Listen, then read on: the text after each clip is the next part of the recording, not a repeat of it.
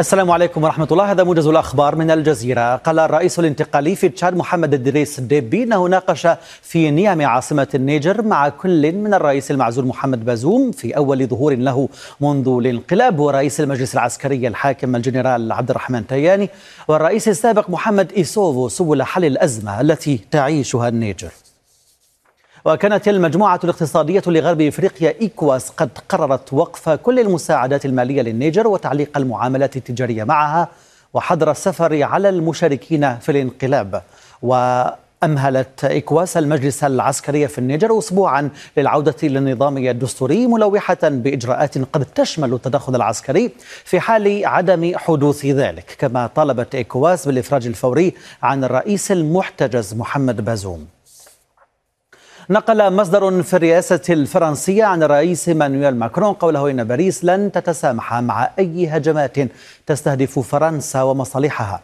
وقال بيان ليليزي إن أي هجوم على مواطنين من فرنسا أو جيشها أو دبلوماسييها في النيجر سيقابل برد قوي من باريس.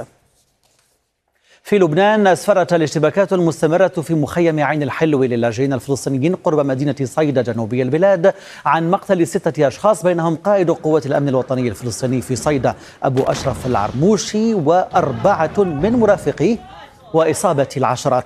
وقال الجيش اللبناني عددا من جنوده أصيبوا في إطلاق نار من داخل المخيم. وتعهد الجيش بالرد بالمثل على مصادر النيران.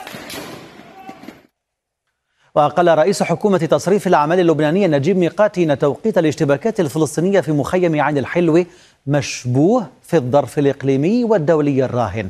ودعا ميقاتي القيادات الفلسطينية إلى احترام السيادة اللبنانية. أعلنت السلطات الروسية إسقاط ثلاثة مسيرات في العاصمة موسكو و25 مسيرة في شبه جزيرة القرم وقالت وزارة الدفاع الروسية إن منظومات الدفاع الجوي أسقطت مسيرة أوكرانية في مقاطعة موسكو ومسيرتين أخريين في منطقة الأبراج وسط العاصمة. وأعلنت السلطات أن الهجوم الأوكراني تسبب في إغلاق مؤقت لأحد مطاراتها الدولية. وقال الرئيس الأوكراني أن الحرب قادمة إلى روسيا ومواقعها الرمزية وقواعدها العسكرية. قالت وكالة أسوشيتد بريس إن أربعة من ضباط وأفراد الشرطة المصرية قتلوا في هجوم استهدف مقرا أمنيا شديد التحصين تابعا للأمن الوطني في العريش ومحيطه. وأضافت الوكالة أن المستشفى العسكري بالعريش استقبل جثامين الضباط والجنود وهم من قوات العمليات الخاصة بقطاع الأمن المركزي. انتهى الموجز. السلام عليكم.